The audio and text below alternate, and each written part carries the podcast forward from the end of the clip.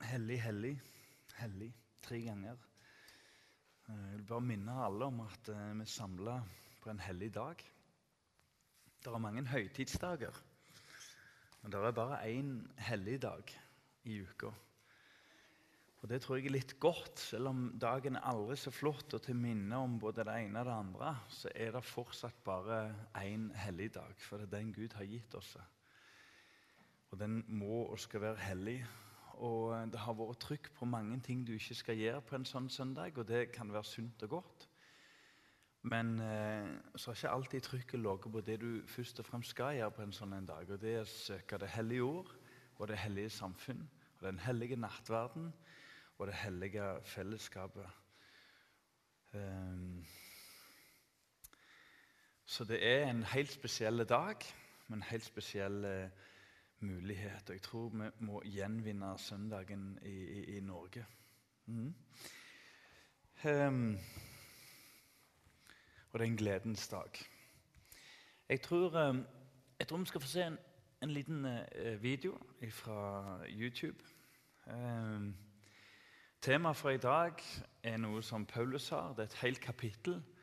Det er Paulus sin eh, høysang. Det vil si, det var ikke helt det som var temaet, men eh, det var dette jeg talte om på fredag. Og dels fikk jeg ikke tid, og dels fikk jeg ro for å snakke om det i dag òg. Jeg tror med vekt på det første. Um, og det er Paulus' høysang. Du har sikkert hørt om David og Salmo sine kjærlighets- og høysanger. Spesielt eh, kong Salomo. Men Paulus òg har en høysang.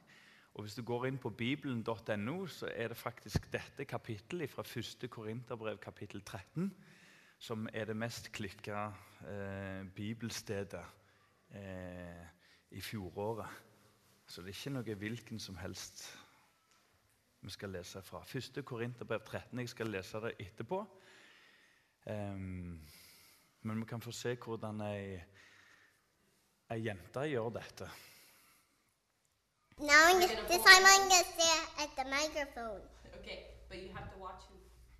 First, Scoot First Scoot. Corinthians 13. I speak in the tongues of men and angels that have no love, a resounding gong, or a clanging cymbal. If I have the gift of prophecy, for the all and all knowledge, and a faith that can move mountains, but have no love, I gain nothing. I am nothing. Is this the studio? If I give all possess to the poor and surrender my body to the flames, but have no love, I gain nothing. Love is patient, love is kind, it does not envy, it does not boast, it is not proud, it is not self-seeking, not easily angry, no record of love does not delight in evil, but rejoices with the truth, it always protects, always, always hopes, always perseveres. No, love never failed, but where there are prophecy, they will cease. Where there are tongues, they will be still. Where there is knowledge, will pass away. For now we know and we shall know fully. Prophets are part, and, and- but when perfection comes, the imperfect disappears. I was a child, I talked like a child, I fought like a child, I ran like a child. But when I became a man, I saw this face behind me. But now we know in part. Now we see the poor reflection as in the mirror. Now we see face to face. Now we know in part. And shall know fully. He's as fully know. And he's remained faithful and loving. Grace of Jesus love. I did the face part. Yeah. Ok. Eh, det kan jeg vel kalle overbevisning. Hvis vi får opp 1. Korinterbrev kapittel 13, og så skal vi lese det på norsk. For det er en tekst som tåler veldig godt å stå aldeles alene, sånn som alle, men spesielt denne. Om jeg taler med mennesker og englers tunger, sier Paulus. Og Før vi leser, så vil jeg bare si en liten ting, så du har det med deg. Dette er en menighet som heter Korint. Det er jo en by. Det er en fersk by, for den ble knust eh, litt ca. 100, eller drøyt 100 før Kristus. Så ble den knust og jevna med jorda. Men så ble den oppbygd igjen bl.a. av pensjonerte eh, soldater. Og, eh, og det var en by som eh, Hvis du var en korinter, så var det Det var ikke bra. Det var ikke bra. Det var et eh, skjellsord, nærmest. Og Det har litt med løssluppenheten å gjøre. De hadde jo et tempel med 1000 prostituerte til enhver tid i det tempelet. Så de første kristne de fikk kjørt seg. De, hadde, de, de, de, de sto ikke der at vi må ta vare og gjenvinne søndagen. Det, det, det, det var en helt annen sak. Det var å vinne noe fram over hodet og la sitt eget hjerte vinne. Så den byen er det nå Paulus er i. Om vi taler med mennesker og englers tunger, men ikke har kjærlighet, da er jeg en lydende malm eller en klingende bjelle.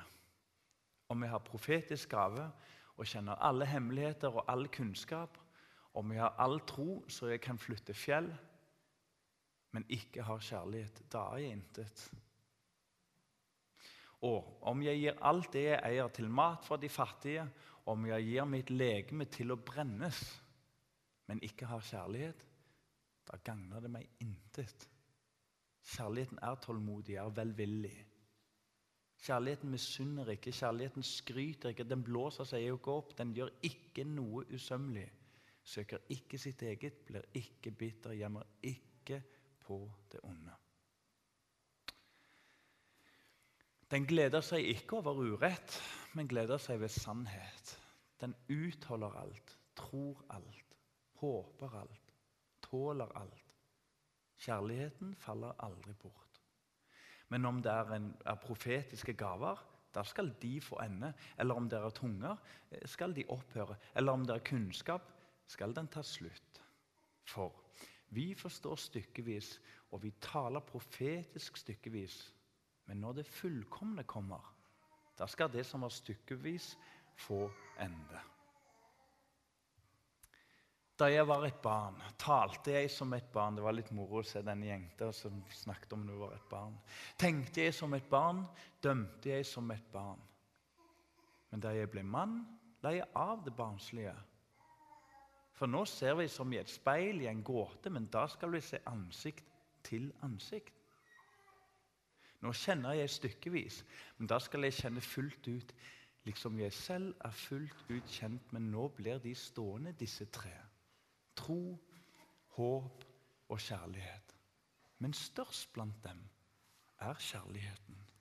Herre Jesus, um, hjelp oss å tro ditt ord og forkynne ditt ord som ditt ord. Ber Herre om ei hellig stund nå sånn som du ville det og tenkte det. Amen. ikke det en flott tekst? Det er et kapittel du kan sende til mange mennesker. Um, det var ei dame som uh, var født i et rikt kvartal i England, i en by. Og hun var fornem, som det heter. Du hører bare hele ordet. Hun var fornem.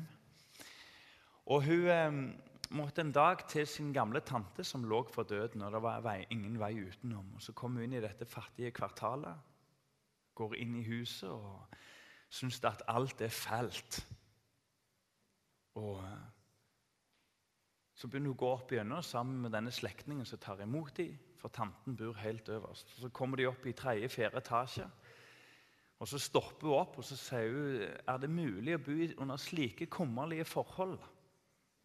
Og Så ser du sikkert for deg hele opptrinnet.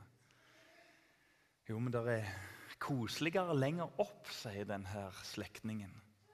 Og Så går de oppover og kommer til topps. Og Der bor denne sjuke, troende dama, tanten.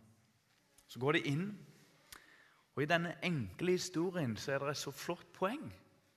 For når denne fornemme dama kommer inn, selv om hun ser Selv om det faktisk er pyntet etter beste evne ut fra de ressursene en har, så likevel så utbryter hun igjen negativitet over forholdene. Og har lyst til å bare gå. Og Da svarer denne gamle tanten Det er enda bedre enda lenger opp, sier hun. Det er jo ingen genial historie. Det er ingen kjempepoeng. Men for den som har smakt og sett litt inn i himmelen, så er det hele saken. Hvis ikke himmelen er til stede i mitt og ditt liv, så blir alt fattig. Denne teksten her handler om kjærlighet. For mange mennesker er det et ord en nesten ikke kan ta i sin munn. I mange samfunn er det et ord som er blitt trampa på og ødelagt. Både politisk og religiøst og familiært og nært. Men det ordet kjærlighet her, hvis det ikke får stå i fortid og i det som ligger foran, så blir det veldig tomt og fattig. Jeg vil si helt feil. Det er Paulus som skriver dette her kapittelet. Han eh, er jo kjent for å være veldig tydelig. Han er alle teologers store teolog. Skal vi si at han utenom Jesus er det viktigste mennesket som har levd på jord? Kan vi si det? Viktigste menneske. Vi kan i hvert fall si at den viktigste teolog som har levd på jord. Og Da er det noen som mener om dette kapitlet Det kan ikke være han som har skrevet det. Det passer aldeles ikke inn. Fordi i kapittel 12 så lærer vi om nådegavene. Om lemmene på legemet. Der fingeren eller øynene Nå husker ikke jeg rekkefølgen, men kan øynene si til Er det fingeren? Eh, 'Deg trenger vi ikke. Du hører ikke til.' Eller kan fingeren, eller hånda, tror jeg det er, eh, si til foten 'Deg trenger jeg ikke. Slettes ikke.' Alle legemer er der. Og I kapittel 14 så handler det litt om hvordan, leg, hvordan nådegavene skal fungere. Ja. Og spesielt i Korint, for der begynte det å skeie aldeles ut. Der hadde de et problem med det at tungetalen fikk en for stor vekt i menigheten. Det er litt spennende, det der med tungetallet. Men i den situasjonen så begynte tungetalen å få den plassen at forkynnelsen og profetisk tale begynte å komme i bakhånd. Og så ble det Babbel. Babylonia. Det gikk over i rot og i svermeri. Og Så måtte Paulus stramme inn, og så måtte han si det akkurat som det er. At det, nå må dere ha orden på de største nådegavene. Og så forklarer han det veldig enkelt. Akkurat som en Velux-montering-vindu, eller hva det skulle være. Punkt for punkt. Og så sier han Snakk til forstanden. Snakk til forstanden. Og midt oppi dette her, veiledning og nådegaver, de store linjene, så kommer det et, et, et, nærmest et sånn poetisk kjærlighetsbudskap. Hører det hjemme? Det må være skrevet av en annen. Jo visst hører det hjemme. Nådegavene henger på kroppen, og vi trenger dem. Det er ikke godt å være amputert, er det det? Det må ikke bli sånn at det er helt i orden å være amputert. Men det er kjærligheten som styrer kroppen. Det er kjærligheten som har styrt Guds handling og vilje, og så er det så vanskelig å forstå. Så er det så smertefullt å forstå. Men det er kjærligheten som sendte Jesus til jord. Så altså Det er jo helt på sin plass at nådegavene blir avlyst, ikke avløst en stund av Jesu forkynn, Paulus forkynnelse om Jesus om Den hellige ånds, om Faderens kjærlighet oppi dette. Um, la oss få opp noen kjappe bibelvers som sier bitte litt om kjærlighet. Romane 5,8. Romane 5,8. Men Gud viser sin kjærlighet til oss ved at Kristus døde for oss mens vi ennå var syndere. Nå kom jeg litt i feil rekkefølge, for det skulle vært nummer to. Det er liksom nå. Mens du og jeg vaser med vårt, så er Guds kjærlighet at han er fokusert på Kristi død for oss mens vi ennå var syndere. Nå snakker du om kjærlighet. Mens vi holder på med noe helt annet, så har han en kjærlighetsplan. La oss se fra det første det vi skulle lest, Jeremia 31, 31,3. Ødelegger jo hele rytmen her. Jeremia 31, 31,3. Fra det fjerne har Herren åpenbaret seg for meg. Ja, hør, med evig kjærlighet har jeg elsket deg. Dette er så vanskelig å tro. Men vi samler her, for vi tror på kraften i Guds ord. Og så planter det seg i vårt hjerte. Og så er det som en motkraft mot ukjærlighet, egoisme og verdens budskap.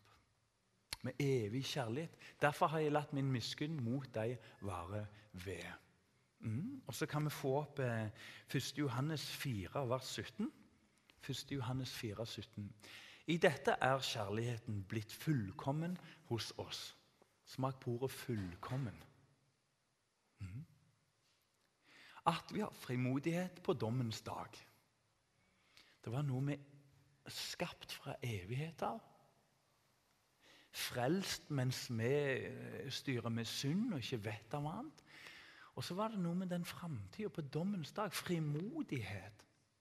Jeg er blitt så glad i ordet 'trøst av hverandre med disse ord'. Jeg har nevnt det før. Endetidsforkynnelsen skal vi trøste hverandre med. Det er ikke først og fremst meint for å skremme folk. Selv om det ligger òg et alvor over det. Trøst av hverandre på dommens dag. For slik som han er, slik er også vi i denne verden, står det til en sånn en spiss avslutning. 2. Timoteus 1, vers 7. 2. Timoteus 1,7. For Gud gav oss ikke motløshetsånd. Er det noen som kjenner på det? Motløshet. Den er ikke fra Gud, sier Bibelen her. At Gud prøver oss, ja. Men selve den grunnleggende ånden som bare river all mot ut, den er ikke fra Gud, sier han her. For han gav oss krafts- og kjærlighets- og sindighetsånd, står der. Og 1. Johannes eh, 1, nei, 3, 16 tar vi til slutt. På dette har vi lært kjærligheten å kjenne. Legg, legg merke til pedagogikken her. Sånn er kjærligheten. Det er sånn vi kjenner han. Det er sånn han er. At han satte livet til for oss. Også vi skylder å sette livet til for brødrene. Hvordan vil du at fokus skal være? Hvordan vil du at et kristent fellesskap skal være? Hvordan lærer vi kjærligheten her inne? At han satte livet til for oss, for vår frelse og som et forbilde. Um, hvis vi går tilbake til teksten fra første, nei, fra første Korinterbrev, kapittel 13, så står det om jeg taler med menneskers og, og englers tunger. Det er en del, forfatt, er en del eh, kildekritikere og andre kritikere holdt jeg på å si, Nå smørte jeg det litt i sammen. Men det er en del kritikere som ikke negativister nødvendigvis, men de som ser på Bibelen, som mener at her har du òg en grunn til at dette ikke hører hjemme her. For han slår over i entall, om jeg. Men du, vi skal ikke ha vært kristen lenge før vi har møtt en levende Gud og skjønt at det er en tid for det, at det, det du tenker som søndagsskolelærer, det du tenker som, som kristne foreldre i oppdragersammenheng, det du tenker om andre på jobb, så vender det tilbake mot deg sjøl. Det er jo her ordet tveegget sverd. Det slår alle veier. Det er ikke meint bare én vei. Paulus leser opp om nådegavene, og så faller det naturlig inn. Og så blir det for han. Men om jeg, sier han. Og vet du hva? Jeg tror denne gudstjenesten før sommeren er en gudstjeneste for deg og for meg. For fellesskapet, men for min og din situasjon. Det er en entallsgudstjeneste nå. Hvis vi taler med menneskers og englers tunger Nå er han egentlig inne i tematikken han holder på med. I, i, i Korint så var det jo dette med englers tunger. Men det har vi ikke tid til å gå inn i nå. Hva er en tunge? Osv. Det får bare ligge. Men det var noe der. Men ikke har kjærlighet. Hva er vi da? Da er vi som to instrumenter som lager mye lyd, får mye oppmerksomhet og det er alt du får. Noen som kjenner seg igjen? Hva plass har vi i Guds rike? Hva plass har vi i samfunnet? Hva plass har vi i familien? Så lager det lyd. Og så er det overbevisende i tillegg. I bunn og grunn så er det um, ingenting. Det er alt det er. Og vi har profetisk gave og kjenner alle hemmeligheter og all kunnskap. Merkelig å jobbe i misjonsorganisasjonen. misjonsorganisasjon. Hvor mye kjøtt kan være. Å være på et arbeidermøte eller en generalforsamling eller i en gudstjeneste. Og se hvordan det går over stokk og stein i forhold til det som går på roller og gaver som Gud gir oss. Ofte i et samspill med naturlige evner. Og så går det langt derifra til å bli det reneste kjød. At en ser opp til folk med kunnskap, og det er svært. Og så er det så mye kjød, som Bibelen kaller det. Paulus går rett inn i dette. Har du kunnskap? Er det en med mye og hemmeligheter, en så åpenbare ting. Og så sitter vi der. Det var svært så uåpna for oss ordet, husker jeg, fra bibelkurs, som det er altfor lite av. Og så liksom får den personen en plass som ingen mennesker tåler å ha, altså. Mm. Vi mestrer ikke. Og vi har all tro, så jeg kan flytte fjell men ikke har kjærlighet, da er jeg intet. Um, Paulus slår over til første person. Så, der, så, strammer det seg litt til her i litt sånn ekstreme eksempler som, som Paulus gir. Husk på også at de første kristne levde hvis vi skal kalle det ekstremt, så levde de det. Tenk, tenk kulturen de kom til, eller levde i og skulle vende seg om fra. Hør, og om jeg gir alt det jeg eier, til mat for de fattige Det er et ord som heter eh, somesien. Stemmer det? Have you heard this word? P-s-o-m-i-z-i-i-n? Somie... Ja, I don't even try. Should, I should have asked you before. Um, Greek word. I try. Det betyr Ja, hvis du har sett det betyr å dele opp. Har dere sett Schindlers liste? Når de sitter der og har Det er vel i gettoen når de samles før de skal i, i, i dødsleiren. Så sitter de med en liten jeg tror det er en sjokolade eller en karamell, og så deler de den opp i, i sjukelig tynne biter. Men, men, men, men, vi forstår ikke dette med. Meg og Vigdis var i gettoen i Warszawa. Etter hvert der så begynner det å demre. Dette ordet her, et ord vi ikke har på norsk, det betyr å dele ned til så lite at du, du, du tømmer deg for alt du har. Inntil det ekstreme for å kunne hjelpe folk. Sjøl om du gjør det, og om det ikke er gjort i kjærlighet, så gagner det ingenting.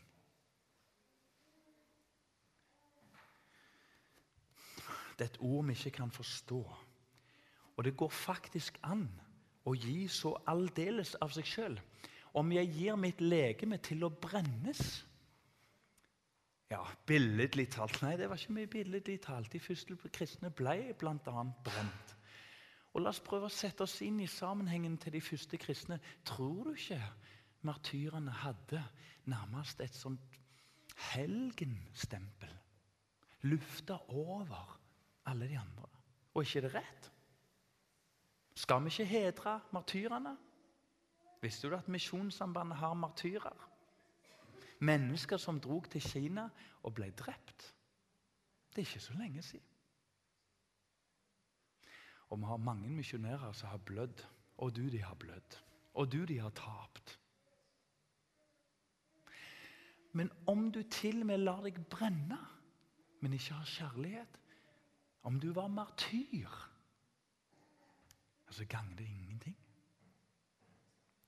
Denne gudstjenesten er en hellig gudstjeneste. Og vi samler til det hellige ord.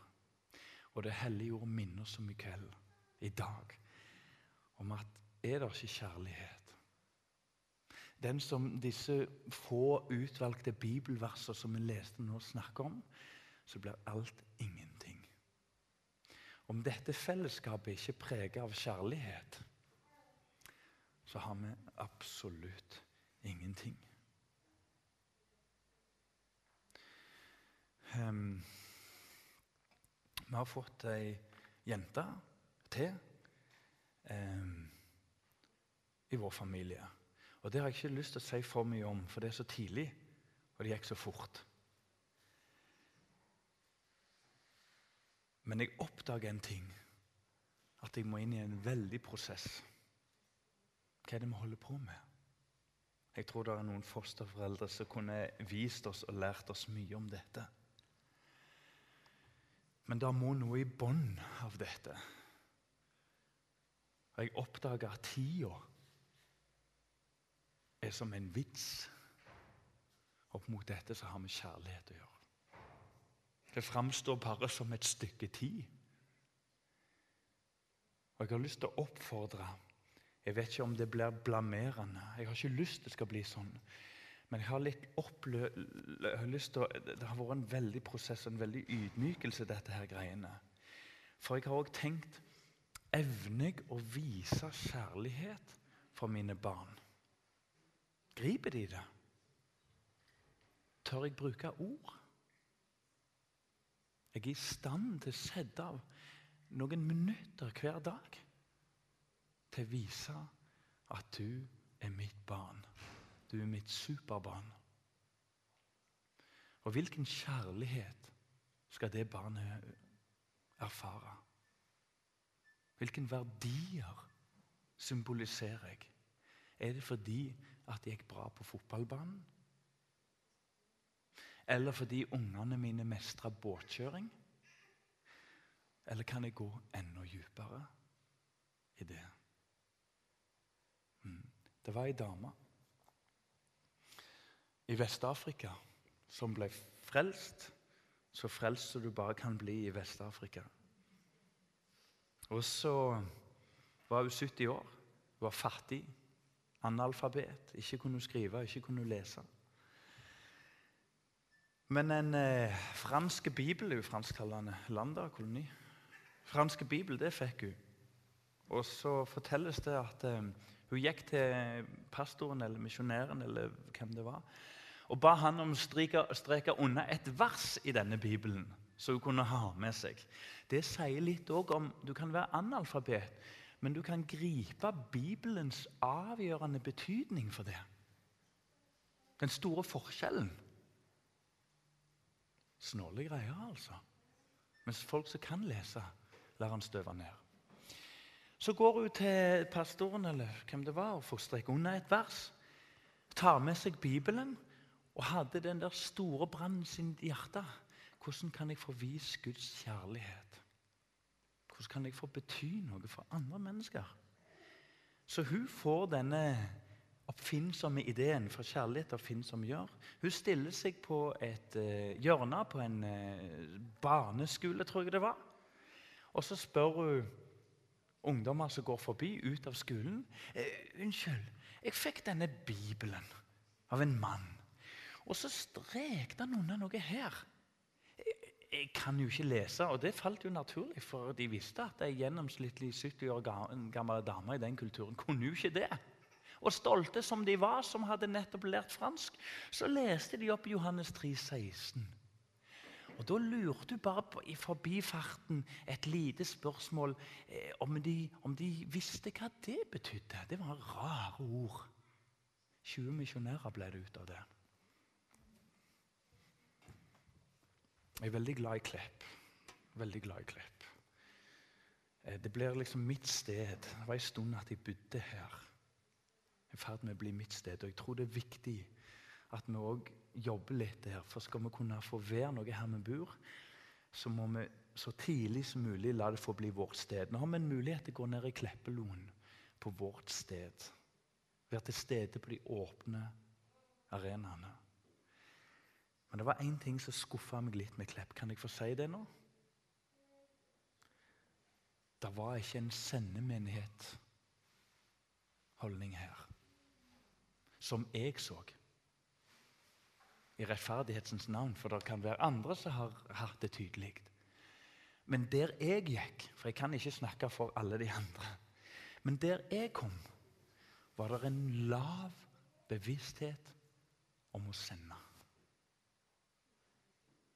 om den der forskjellen mellom misjon der du er, men òg det som Bibelen lager. liksom et, Ikke et vanntett skott, men det er en forskjell på det å være et vitnesbyrd og det å dra ut til de fjerne strendene, som det står. Det er en forskjell. Og Det var et eget oppdrag, det, for menigheten i Jerusalem. Det er ikke det samme. Vi må ikke bomme på ivrigheten etter å være misjonær der vi bor, til bare å smøre det i sammen og si 'samme det'. La oss være ansvarlige menighet. Ta ansvar for de misjonærene som reiser ut og vier hele sitt liv og kommer tilbake om mulig tomhendt. Ut ifra det de hadde sett, håpt og kjent et kall til. Hvis Gud vil, så åpner det seg en høst med mulighet for oss til å bli en relevant misjonsbevegelse. Her har du ei dame. Kjærligheten satte henne i brann. Kjærlighet som styrte det lemmet hun representerte, og ga henne det oppdraget, og det ble 20 misjonærer. Se hva Gud kan gjøre. Ikke kunne lese, ikke kunne skrive. Da gagner det meg intet. Kjærligheten er, står der. Og Nå skal du legge merke til en ting når vi leser det. Så står det veldig lite om følelser. Bibelen er en bok med forståelse for og plass til følelser.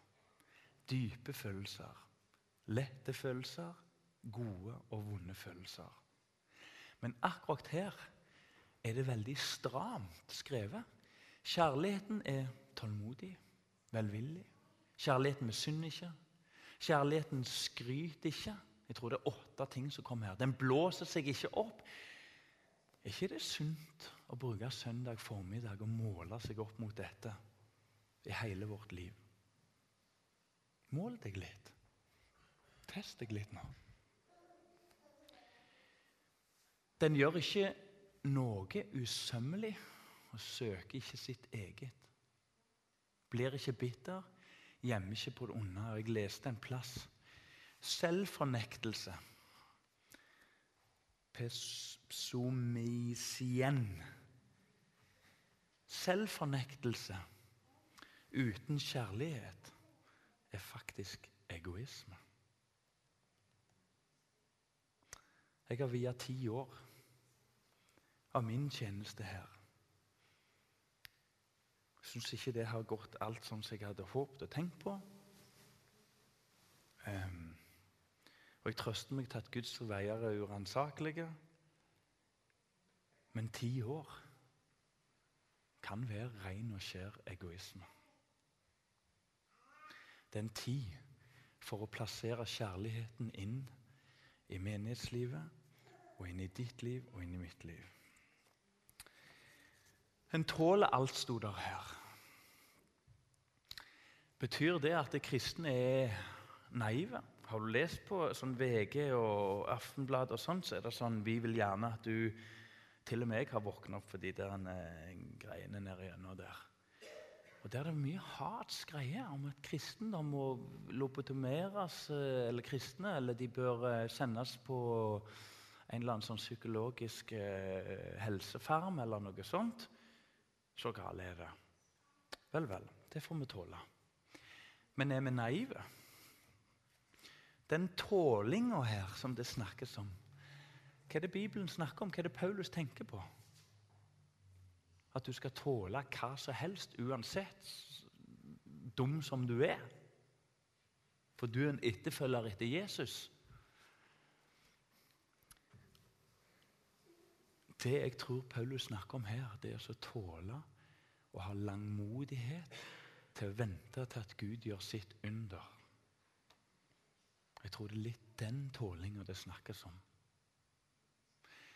Tålmodighet og langmodighet er ikke helt det samme. Tålmodighet er å tåle. Langmodighet er å vente lenge nok på Gud. Jeg ser for meg en full sal her. jeg. Det er veldig vanskelig å snakke om, fordi, at det, fordi at jeg, jeg, har opplevd så mange skuffelser. da. At, liksom, at det, jeg, jeg, skulle sett at det, dette huset ble bygd ut for lenge siden, men det har jo ikke blitt det. Men jeg tror Gud må få jobbe videre, og han prøver meg, og han prøver deg. Og hvorfor vil vi ha en full sal? Fordi vi skal skryte av det? Ja, det må vekk, det, da. Og så får det bli en full sal fordi at det, det er så mange som må få smaken på Guds kjærlighet. Den ekte kjærligheten, den som, den som vil til himmelen. Den som bærer helt fram. Og, og ja Jeg tror Gud prøver oss om vi ha langmodighet nok til at at vi kan vente til at han griper inn. Og så gleder jeg meg over alle store ting eh, som har skjedd underveis. Kjærligheten tar aldri slutt, står der. Um, kjærligheten tar aldri slutt. Det er en evig kjærlighet. Jeg tror vi skal prøve å runde av med de tingene der. I denne verden, altså her, i det livet vi har, så åpenbarer Gud for oss det som er nødvendig for vår frelse, leste jeg en plass. I denne verden åpenbarer Gud for oss det som er nødvendig for vår frelse. Det lille vi makter å ta imot. Hvordan har det skjedd? Gjennom profetiene. I Det gamle testamentet så har Gud så smått begynt å la si sol gå opp ved at han f.eks. kalte Abraham, Josef, Jeremia, Amos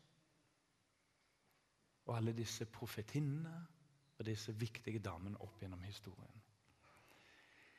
Og så går det 400 år, og det er aldeles knust fra Vår Herre. Og så kaller han Johannes døperen. Og han gjør det sånn at han sier, 'Se, det er Guds lam'. Og så viser Gud seg igjen i historien. På svakhetsvis. Jeg nevner dette herrene, fordi at det, det er forberedende i den gamle pakt. Det er fullkomment når Jesus kommer. Han sier jo 'det er fullbrakt'. Det burde det stått her, for det står der i Tananger. Det er fullbrakt. Må ikke ha et kors uten det. Det er fullbrakt. Men det er ikke fullendt. Når du leser hvis vi får opp teksten igjen, når du leser 1. Korinterbrev 13, og bare leser det i profetisk sammenheng fra Gammeltestamentet, i fullkommenhetssammenheng fra Nye testamentet, og ikke leser det i fullendelsen, så mangler du noe. For det er det teksten tar opp nå til slutt her. Du og jeg kan ta imot Guds kjærlighetsformidling bare stykkevis og delt. Du har ikke sett Gud ordentlig ennå. Det er litt rart faktisk å legge merke til at Bibelen gjør et lite nummer, og Paulus sjøl, av at Moses han var jo en person som møtte Gud og tenkte han skulle dø. Og Det gjør Gud et nummer og sier at han er den eneste jeg talte munn til munn til. står det. Jeg tror det er fjerde Mosebok. Munn til munn talte jeg Moses. Alle dere andre får få det eh, på, på, på stykkevis og delt, for vi er ikke i stand til å gripe Guds kjærlighet. Den er for stor. Så derfor, hvis vi får opp 'det gleder seg ikke over urett', da skal det for stykkevis få ende. Mm. Ja, det gleder seg ikke over urett, men gleder seg over sannhet det kunne vi sagt masse om. Kjærlighet og sannhet de faller sammen. Deler du de, så er det ingen av delene. Akkurat som base og herder for en dum gollegger. Det uttaler alt, tror alt, håper alt, tåler alt. Kjærligheten faller aldri bort. Nydelige ord. Men om det er profetiske gaver det er deg som har en tjeneste i Guds rike, så dette er kjempespennende. Litt vanskelig, men kjempespennende. Kjærligheten faller aldri bort, men om det er profetiske gaver, da skal de få sin ende. Visste du det? At det, den forkynnelsen, så om jeg har en gave, da, det skal forsvinne. Tenk på Lasarus. Han ble helbreda. Den gaven til helbreda, den skal vekk. Er det mulig? Den skal vekk.